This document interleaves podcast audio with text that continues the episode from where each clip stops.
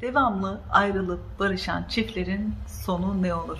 Hayatımızda bizim için önemli değerlerimiz vardır. Değerleri kaybettiğiniz zaman ne olur? Şöyle bir düşünün. Sizin için çok önemli ve o değer bir anda kayboluyor.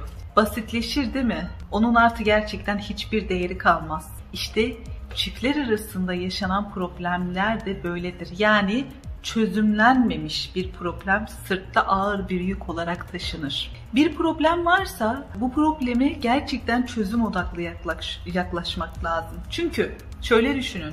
İnsan sürekli ayrılıyorsunuz, sürekli yapamıyorsunuz, barışıyorsunuz. Sürekli ayrılıyorsunuz, yapamıyorsunuz, barışıyorsunuz. Bu sefer ne oluyor? Var olan esas problemler artık laçkalaşıyor.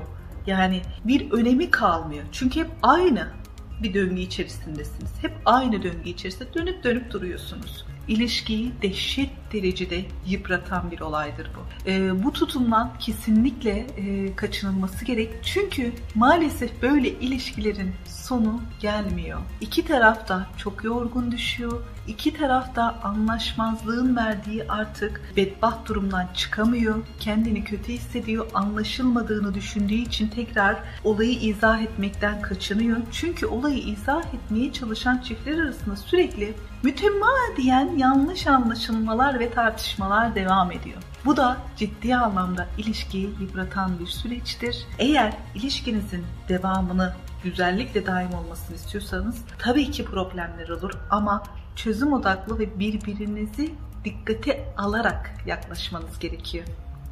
Sevgiyle kalın.